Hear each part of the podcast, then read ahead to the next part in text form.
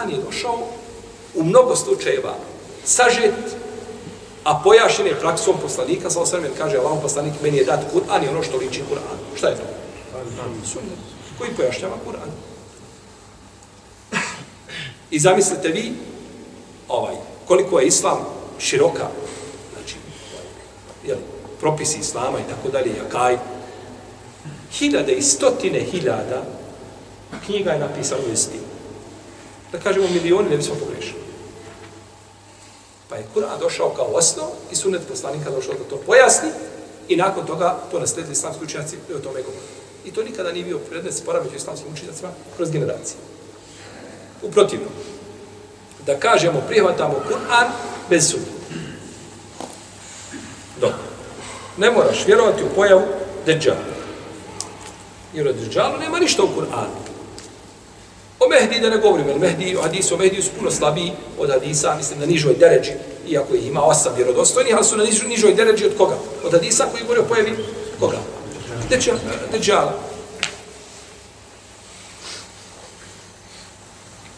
Pa bi mnogi događaji koji će biti na sudnjem danu, ne moraš vjerovati Ne moraš vjerati u mnoge vrste šefata, ne moraš vjerovati dosta to, jer nije spomenuto u čemu? U Kur'anu. Žena, kada se nalazi u ciklusu mjesečnom, mora klanjati i mora postati. No tako? Ako uzmeš Kur'an, mora. Gdje je Kur'an to zabranjeno joj da čini? Odnosno, gdje, ima, gdje je oslobođena toga? Nego oslobođena, znači, hadisima poslanika, sallallahu alaihi wa sallam. Čovjek ima pravo da opći u analni otvor sa svojim suprugom. I to nema zabrane u Kur'anu toga. Čovjek ima pravo da klanja namaz koliko želi rekiata. Klanjaš podne dva rekiata, ala bar. Ostiš da si malo agilni da se nešto klanja, šest rekiata. Spojiš. Nikakav problem nije. Jer nema u Kur'anu broja rekiata. I ja kad klanjam podne dva rekiata, a ja u mjestu boraku u svojoj kući, ne smiješ mi pregovoriti nikako.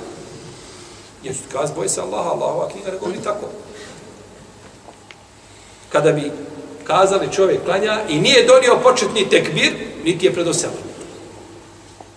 Kaže mu, ti mi donesi osnovna dva rukna, početak i kraj namaza, nemaš. Bučkuriš napraviti od nije bučkuriš, braćo, ta vjera takva, bez sunneta, ona je bliža svemu nego islamu. To ima se islamom ništa. I islamski učenjak složi da onaj ko odbaci sunnet koga ne prihvata, odbaci sunnet u potpunosti, da to ne može biti musliman.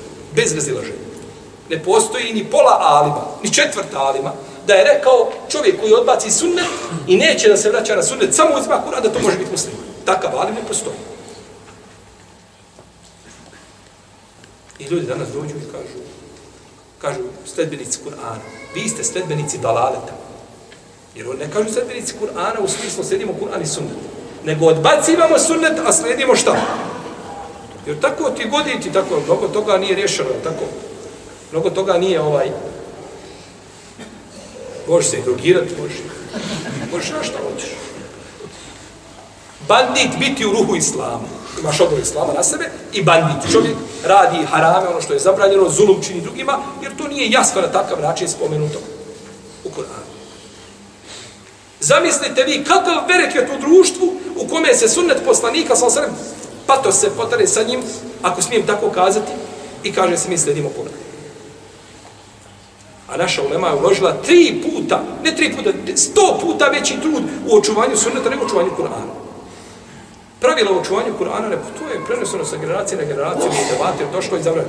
Ali ulema znala do čega će doći pojedinci. Pa su došli ispitivali od harfa do harfa. Da se čuvaju sunnet poslanika, sam